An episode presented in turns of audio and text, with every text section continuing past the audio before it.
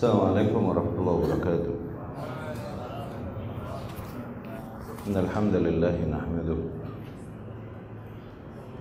ونستعين به ونستغفره ونعوذ بالله تعالى من شرور أنفسنا ومن سيئات أعمالنا. من يهده الله فلا مضل له ومن يضلله فلا هادي له. أشهد أن لا إله إلا الله وأشهد أن محمدا عبده ورسوله أما بعد. فإن أصدق الكلام كتاب الله وخير الهدي هدي محمد صلى الله عليه وسلم شر الأمور محدثاتها وكل محدثة بدعة وكل بدعة ضلالة وكل ضلالة في النار أما بعد إخواتي رحمكم الله melanjutkan pembahasan kita dari kitab Usul Sunnah karya Imam Ahmad bin Hanbal sampai kepada bab tafsir an-nifaq tafsir sifat kemunafikan. Qala rahimahullah al-imam rahimahullah berkata wan nifaqu huwal kufr. Dan nifaq pada hakikatnya adalah kekufuran. Ya. Kemunafikan hakikatnya adalah kekufuran. Ayyakfura billahi wa ya'bud ghairah yaitu orang yang kufur kepada Allah Subhanahu wa taala dan menyembah hal lain selain Allah Subhanahu wa taala. Wa yuzhirul islam fil alaniyah dan dia menampakkan Islam secara zahir. Ya mereka adalah orang yang pada zahirnya menampakkan keislaman. Seolah-olah mereka berislam mereka beriman sebagaimana berimannya orang-orang yang beriman. Namun mereka menyembunyikan kekufuran di hatinya. Ya itulah munafik maka kemunafikan pada hakikatnya adalah kekufuran مثل المنافقين الذين كانوا على عهد رسول الله صلى الله عليه وسلم seperti para kaum munafikin yang ada di masa Rasulullah sallallahu alaihi wasallam wa qawluhu sallallahu alaihi wasallam dan firman atau sabda Rasulullah sallallahu alaihi wasallam thalathun man kunna fihi fahuwa munafiq ada tiga hal yang apabila seseorang yakni tiga hal tersebut terdapat pada diri seseorang maka ia adalah seorang munafik hadza ala taghlid ini tujuannya untuk taghlid yakni nakut-nakutin ya. Menegaskan parahnya kasus tersebut.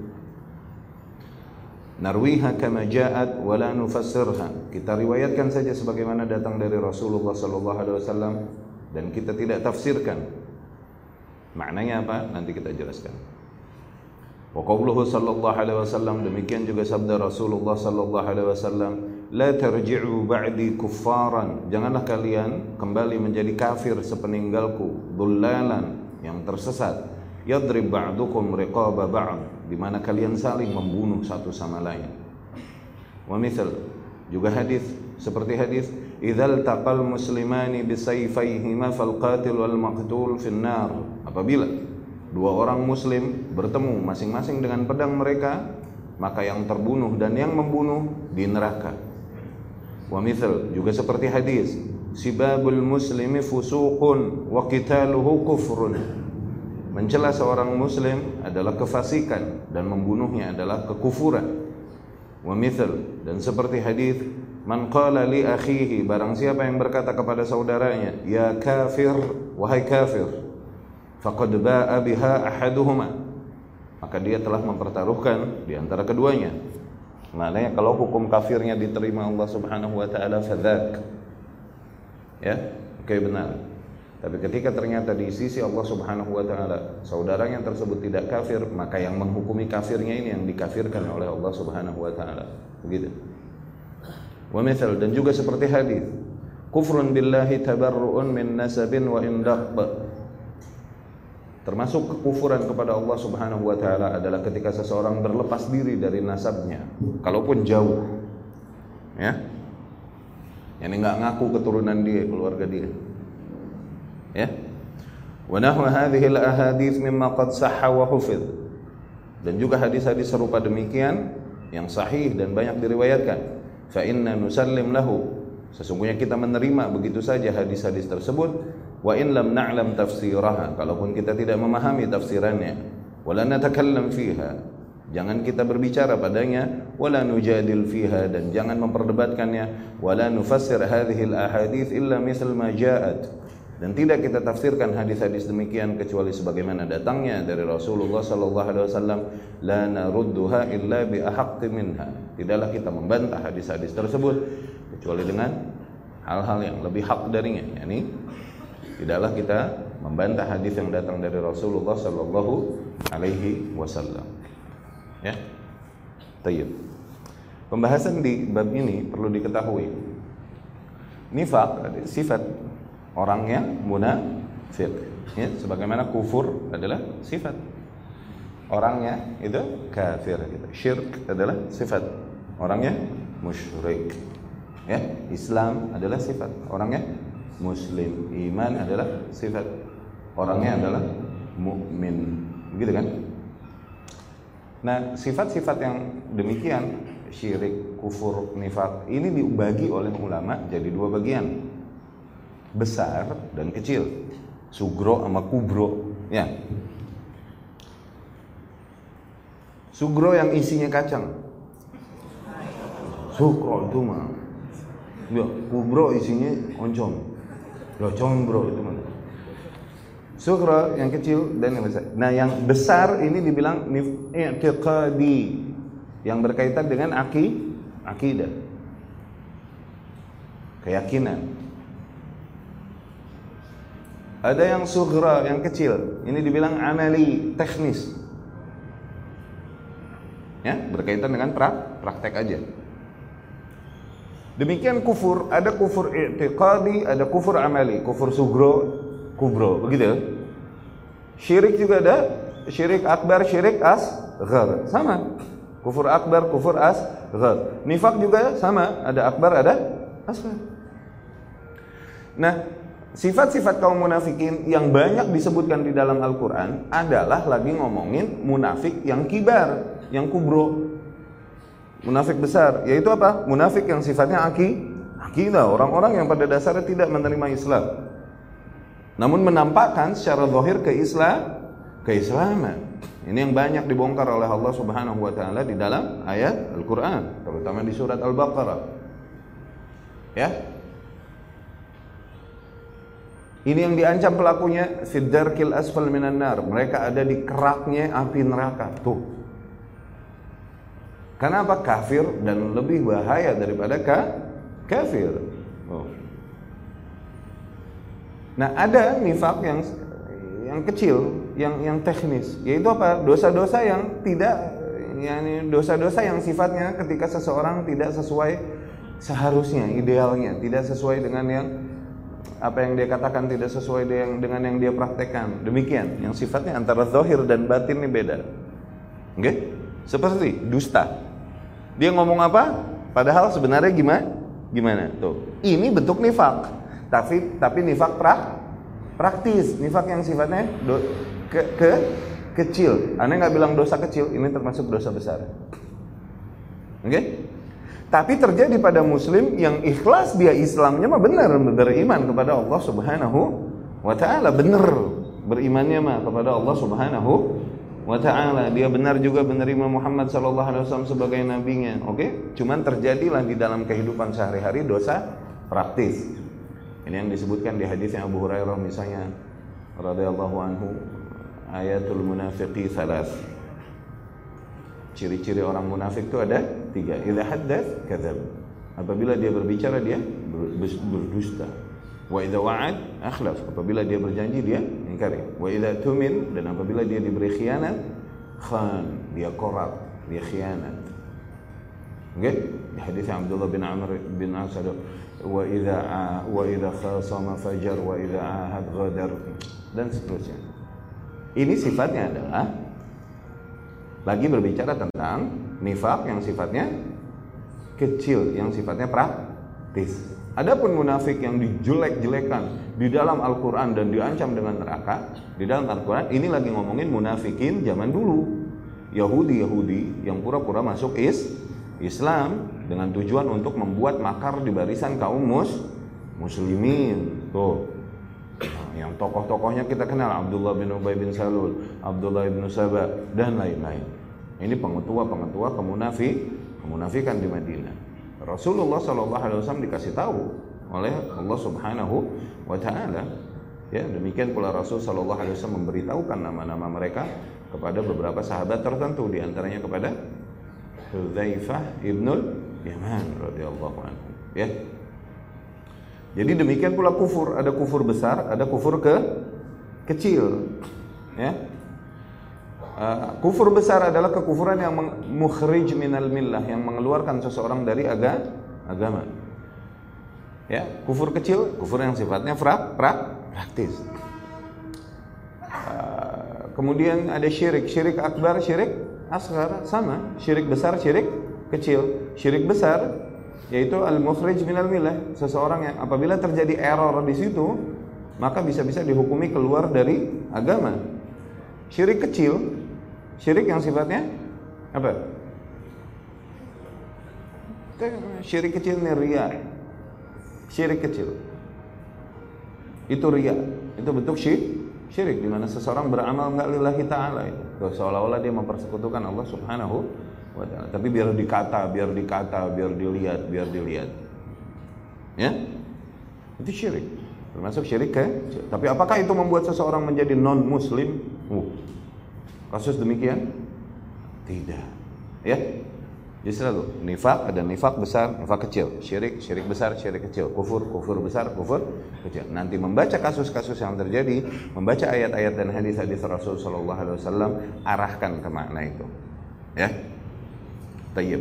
Tapi Imam Ahmad di sini menyebutkan pertama dia Al-Imam rahimahullah di bab ini awalnya menyebutkan tentang munafik yang sifatnya nifak kubro, nifak akbar. Oke? Okay?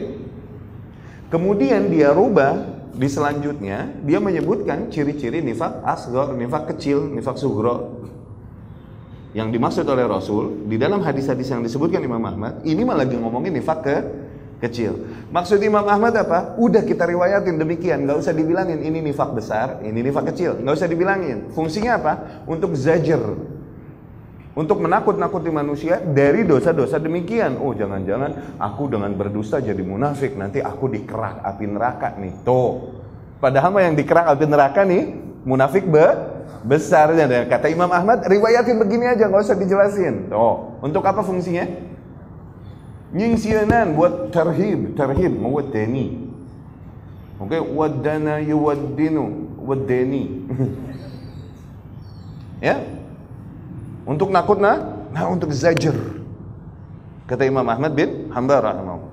Tapi nanti kita perlu mentafsirkannya mau nggak mau nggak bisa diem. Kenapa? Banyak sebagian kaum menunggangi hadis-hadis ini akhirnya dengan sembarangan, oke, okay, sorogoto, mengkafirkan manusia hanya karena terjadi hadis. Seperti kaum khawat, khawarij mau nggak mau kita mesti arahkan kan, gitu. Jadi, tapi secara umum kata Imam Ahmad bin Hambal udah sampaikan demikian nggak usah ditafsirkan. Kecuali apabila ada keperluan memang harus kita tafsirkan. Maksud Rasul di situ kufur bukan berarti maknanya orangnya langsung kafir. Itu maksudnya kufur di bawah kufur. Tuh ini yang dibilang kufur kecil. Kufrun duna kufrin. Kekufuran yang dibawa ke kufur kufrun billah tabarru'un termasuk bentuk kekufuran kepada Allah adalah ketika seseorang berlepas diri dari nasabnya. Dia nggak mau ngaku keturunan si fulan atau menisbahkan dirinya kepada bapaknya orang. Dia nggak mau ngakuin bapaknya di bapaknya dia. Tuh, itu termasuk kekufuran kepada Allah Subhanahu wa taala. Tapi apakah pelaku dosa demikian berarti maknanya dia kafir keluar dari Islam? Lah, ini yang dibilang kufur di bawah kok kufur. Apakah maknanya dia menyembah hal lain selain Allah sebagaimana tadi ya'bud ghairallah itu? Apakah maknanya demikian? Tidak, ini praktis. Dosa-dosa yang sifatnya pra praktis. Kalaupun dosa besar itu. Ya. Ini yang dimaksud Imam Ahmad rahimahullah. Ya. Tayyib, masalah mencela muslim adalah kefasikan. Membunuhnya adalah kekufuran. Tayyib. Muslim melakukan dosa membunuh. Apakah dengan itu dia menjadi non muslim, menjadi kafir yang diabadikan di neraka? Lah, dikarenakan apa? Dia masih ada tahu tauhid. Keberadaan tauhid pada dirinya ini mencegah dia dari keabadian di neraka. Di neraka, kalaupun dosa membunuh itu terancam dengan keabadian di neraka, tapi terdapat pada dirinya mani' yamna'uhu min dhalik. Terdapat sesuatu yang menghalanginya dari hukum abadi di dalam neraka. Yaitu apa? Tauhidnya. Oke? Okay? Dapat difahami hal itu ya? Coba kita lihat syarah yang datang dari Syekh Rabi' Hafizahullah. Syekh Rabi' Hafizahullah berkata, ya nifak adalah ketika seseorang menampakkan keislaman dan menyembunyikan kekufuran. Dia menyembah hal lain selain Allah Subhanahu wa taala dan dia tidak menyembah Allah pada hakikatnya. Qad yakunu zindiqan, bisa jadi dia seorang zindiq. Oke? Okay? La ya'budullaha wa la ya'bud ghairah, yang di mana dia tidak menyembah Allah dan tidak juga menyembah hal lain. Tuh, apa? Atheist, ateis. Ya? Dia nggak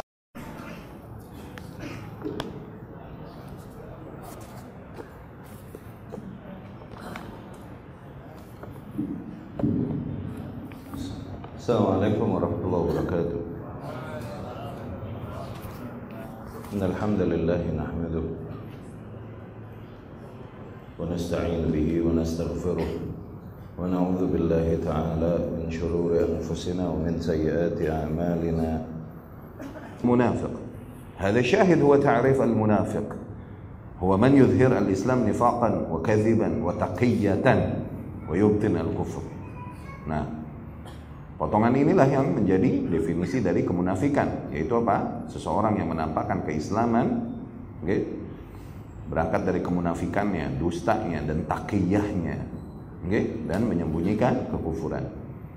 Kathirun minan nas yaqul, banyak di antara manusia yang berkata, "Ana min ahli sunnah." Aku seorang ahli sunnah wal jamaah, wa huwa mubtadi' pada dasarnya namun pada hakikatnya dia adalah seorang ahli bid'ah, bukan ahli sunnah. Yantawi 'ala al-bid'ah wa yatazahar wa yaqul ana min ahli sunnah. Dia banyak bergelimang dengan kebid'ahannya dan masih dia mengaku aku adalah ahlus sunnah sunnah. Hadza minan nifaq. Itu termasuk bentuk kemunafikan.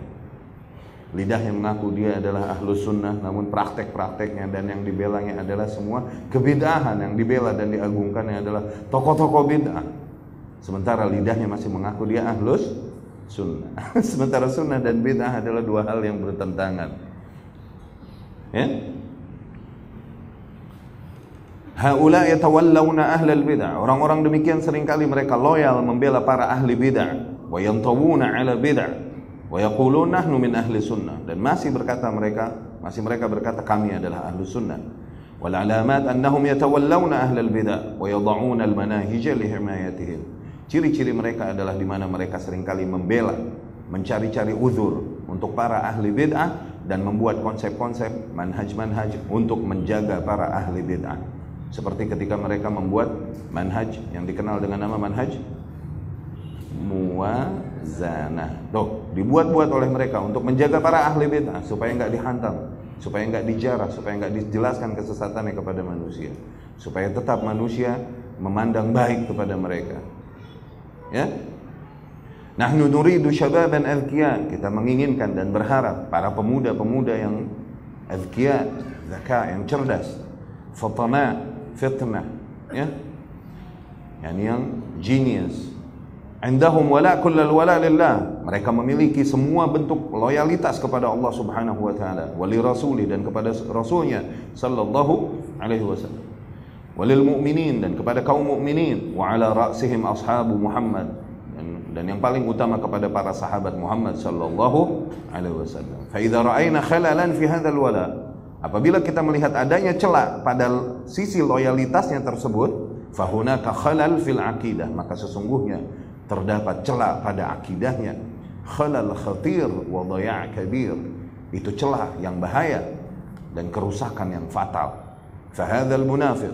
Maka orang yang munafik demikian, al-munafiq huwa alladhi yubtin al-kufr. Ya. Ini Syekh Rabi Hafizahullah membawakan yakni mensyarahnya ke ranah wakil, ranah realitas sekarang. Banyak yang orang-orang ya tidaklah dikatakan dia menyembah hal lain selain Allah Subhanahu wa taala. Tapi apa yang disampaikannya dan diaku-akuinya berbeda dengan apa yang diyakini dan diperjuang diperjuangkannya, ya. Seperti orang-orang yang mengaku bahwasanya mereka adalah ahlu sunnah, membela ahlu sunnah, namun jelas-jelas mereka membela para ahlul bid'ah, menyelamatkan para ahlul bid'ah dan kemudian menghidupkan bid'ah-bid'ahnya dan tidak memperingatkan manusia dari kesesat kesesatannya bahkan sering kali menyerang balik kepada para ahlu sunnah yang memperingatkan manusia dari kesesatan para ahli bid'ah. Ini orang malah menyerang ahlu sunnah yang memperingatkan manusia dari kesesatan ahli bid'ah. Cilaka itu ya.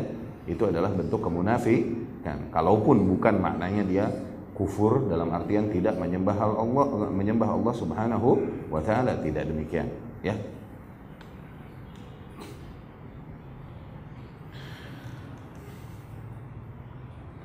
Syekhul Islam Ibn Taimiyah rahimahullah berkata, "Ba'dun nasin" Nah, ini ada ada ada, ada pernyataan Syekhul Islam yang luar biasa, ya. Beliau rahimahullah berkata, "Ba'dun nasi yadhun anna an-nifaq kana fi 'ahdi Rasulillah sallallahu alaihi wasallam wa Sebagian manusia ini mengira bahwasanya kemunafikan hanya terjadi pada zaman Rasul sallallahu alaihi wasallam. Setelah itu enggak ada lagi. Ghalau, sungguh salah Hudzaifah radhiyallahu anhu yaqul, bahkan Hudzaifah sendiri radhiyallahu anhu yaqul, dia adalah orang yang sahibu sir Rasulullah, orang tempat Rasul menyimpan rahasia. Bahkan Rasul menyebutkan nama-nama orang munafikin kepada Hudzaifah Hudzaifah radhiyallahu anhu. Hudzaifah sendiri memberikan pernyataan, memberikan keterangan. Beliau radhiyallahu anhu berkata, "An-nifaq al-yawm ashad minhu fi ahdi Rasulillah sallallahu alaihi wasallam." Kemunafikan yang ada pada masa ini itu lebih parah daripada kemunafikan yang terjadi pada masa Rasulullah Shallallahu Alaihi Wasallam. Berarti Hudzaifah mengatakan hal ini setelah sepeninggalnya Rasulullah Shallallahu Alaihi Wasallam. Kemunafikan yang terjadi pada hari ini itu lebih parah daripada yang terjadi pada masa Rasulullah Shallallahu Alaihi Wasallam. Qalu para orang-orang bertanya, "Kaif? Bagaimana bisa demikian?" Qal maka Hudzaifah pun berkata radhiyallahu anhu, Kana al-munafiquna fi ahdi Rasulillah sallallahu alaihi wasallam yukhfuna nifaqahum. Dulu kaum munafikin di zaman Rasulullah sallallahu alaihi wasallam mereka semua menyembunyikan kemunafikan mereka. Ammal yaum adapun pada hari ini fa innahum qad azharu nifaqahum. Sungguh mereka berani menampakkan kemunafikan mereka. Ya jadi salah orang mengira bahwasanya kemunafikan tersebut yang merupakan makar kepada kaum muslimin hanya terjadi pada masa Rasulullah Shallallahu Alaihi Wasallam. Justru masa-masa setelahnya lebih parah. Dikarenakan demikian pula sunnatullah. Hah? La ya'ti alaikum zamanun hadisnya Anas dari Rasul sallallahu alaihi wasallam. La ya'ti alaikum zamanun illa walladhi ba'dahu syarrun minhu. Tidaklah datang pada kalian suatu zaman kecuali pasti zaman yang setelahnya lebih buruk daripada yang sebe sebelumnya. Sama, orang-orang yang menampakkan keislaman sering kali. Okay? Menampakkan seolah-olah perjuangan Islam. Namun pada hakikatnya mereka adalah kafir yang membuat makar kepada kaum muslimin. Kita kira nggak ada? Ada. Demikian sekali sering kali mereka menampakkan diri dalam bentuk jamaat, dalam bentuk ormas-ormas yang melakukan tindakan-tindakan teror dan lain-lain mengatasnamakan Islam. Namun pada hakikatnya mereka bukan kaum muslimin. Melainkan mainan-mainan dan boneka-boneka musuh-musuh Islam untuk masuk ke barisan kaum muslimin. Jangan kira, jangan kira, jangan kira Abdullah bin Ubay bin Salul mati terus nggak ada lagi kemunafikan. Salah ente bro, salah gede. Jangan kira Abdullah bin Sabah setelah kelar masa fitnah kemudian dibakar para pengikutnya oleh Ali radhiyallahu anhu, kemudian Abdullah bin Sabah diasingkan mati terus nggak ada lagi yang bermakar di barisan kaum muslimin. Enggak, pattern itu harus selalu terjadi dari zaman ke zaman. Itu sunnatullah. Ya?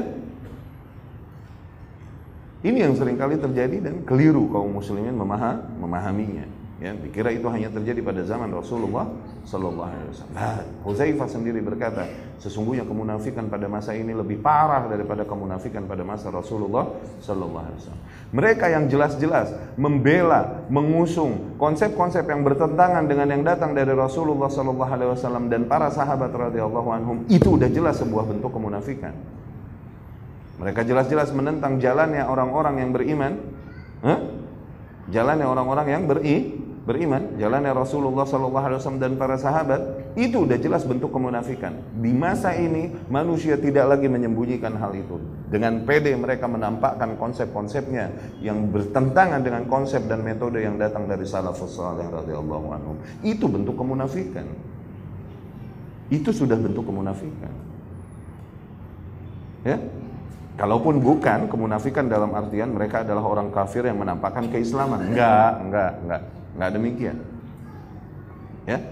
Dulu mana ada seseorang berani menentang Rasulullah Sallallahu Alaihi Wasallam dan berani menentang nilai umum yang berjalan pada sahabat? Ada nggak dulu?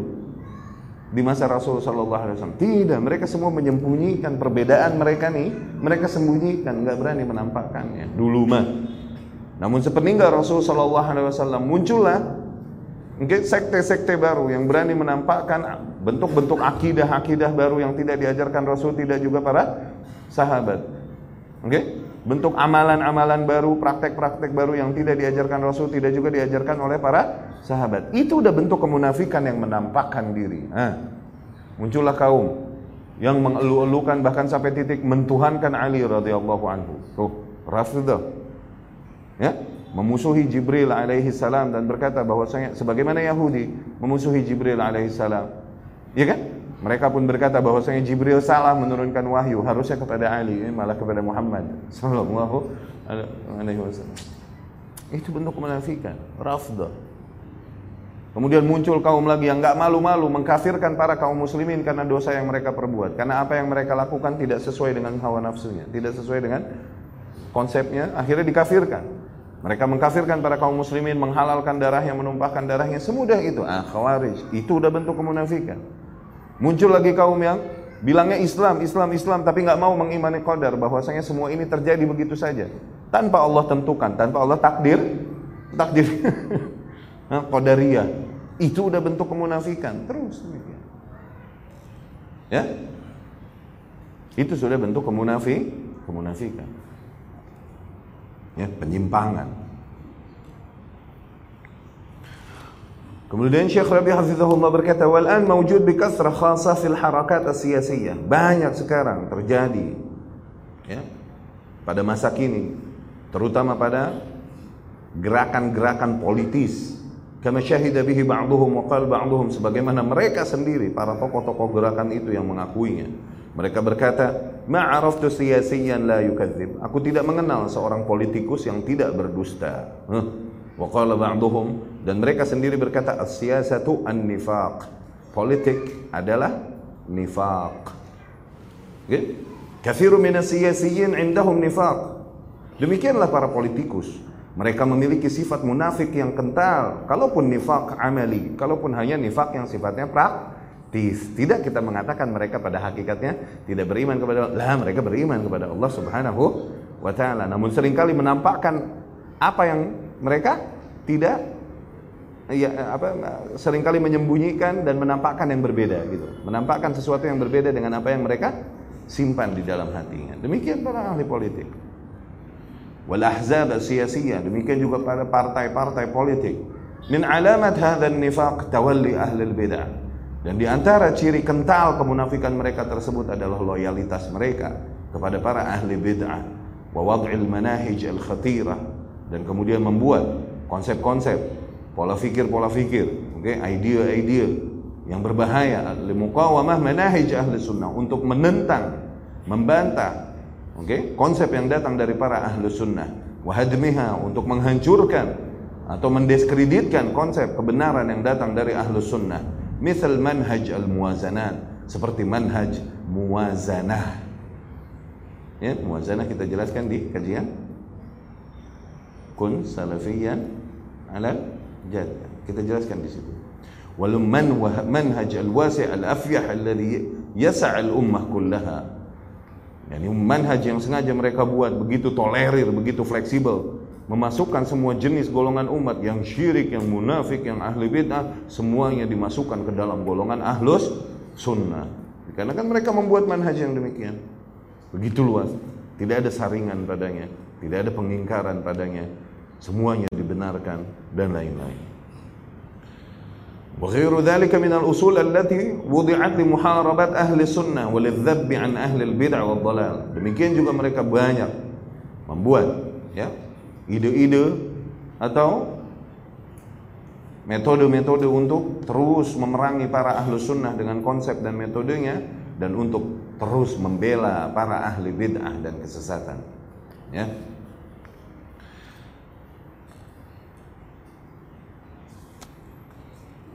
Dan kemudian Rasulullah Sallallahu Alaihi Wasallam di sini disebutkan hadis-hadis yang oleh Imam Ahmad Ibn Hanbal rahimahullah. Hadis-hadis yang berkaitan dengan kemuna, kemunafikan. Thalathun man kunna fihi fahuwa munafiq. Tiga hal yang terdapat pada diri seseorang, maka itu ada, maka ia adalah seorang munafik. Lama dzakara an-nifaq annahu idhar al-islam wa ibtan al-kufr. Ketika al-imam setelah al-imam menyebutkan bahwasanya kemunafikan hakikatnya adalah menampakkan keislaman dan menyembunyikan kekufuran. Kemudian Imam menyebutkan hadis-hadis yang merupakan ciri-ciri kaum munafikin. Ghayar al-Imam Ahmad bainan naw'ain. Di sini Imam Ahmad merubah di antara dua jenis kemunafikan. Awal lagi membicarakan tentang munafik kubro, munafik i'tiqadi, munafik akbar. Eh kemudian berubah jadi membicarakan tentang hadis-hadis, membawakan hadis-hadis yang hadis-hadis ini bicaranya sebenarnya tentang nifak yang sifatnya su sughra, di antaranya hadis Rasul Shallallahu Alaihi Wasallam tiga hal yang terdapat dan yang apabila terdapat pada diri seseorang maka ia adalah seorang munafik. Hada alat taghliz. Ini tujuannya untuk ketegasan, yakni nakut-nakutin tarhib, untuk nakut-nakutin. Yakni maknanya la yaqsud ar-rasul annahu munafiqun aqaidiyan. Ketika Rasul menyebutkan hadis ini, Tidaklah Rasul bermaksud bahwasanya orang-orang yang melakukan error ini berarti dia adalah munafik secara akidahnya munafik. Dia adalah seorang kafir yang menyembunyikan kekafir kekafirannya. Enggak begitu maksud Rasulullah sallallahu alaihi wasallam ketika menyebutkan hadis ini. Ciri orang munafik ada tiga. Apabila dia berdus, berbicara dia berdusta. Rasul lagi ngomong gitu nggak lagi bilang bahwa apabila kau menemukan seorang muslim yang berdusta, ketahuilah sesungguhnya dia adalah kafir yang sedang menampakkan keislaman. Nggak begitu maksud Rasul Sallallahu Alaihi Wasallam. Ini lagi bilang nau'un akhar minan nifak. Bentuk nifak yang lain yang lebih kecil. Cuman dibarengin sama Imam Ahmad sekali lagi penyebutannya di barisan sini. Tujuannya apa? Sekali lagi, nakut-nakutin manusia dari bentuk-bentuk dosa demiki, demikian. Ya.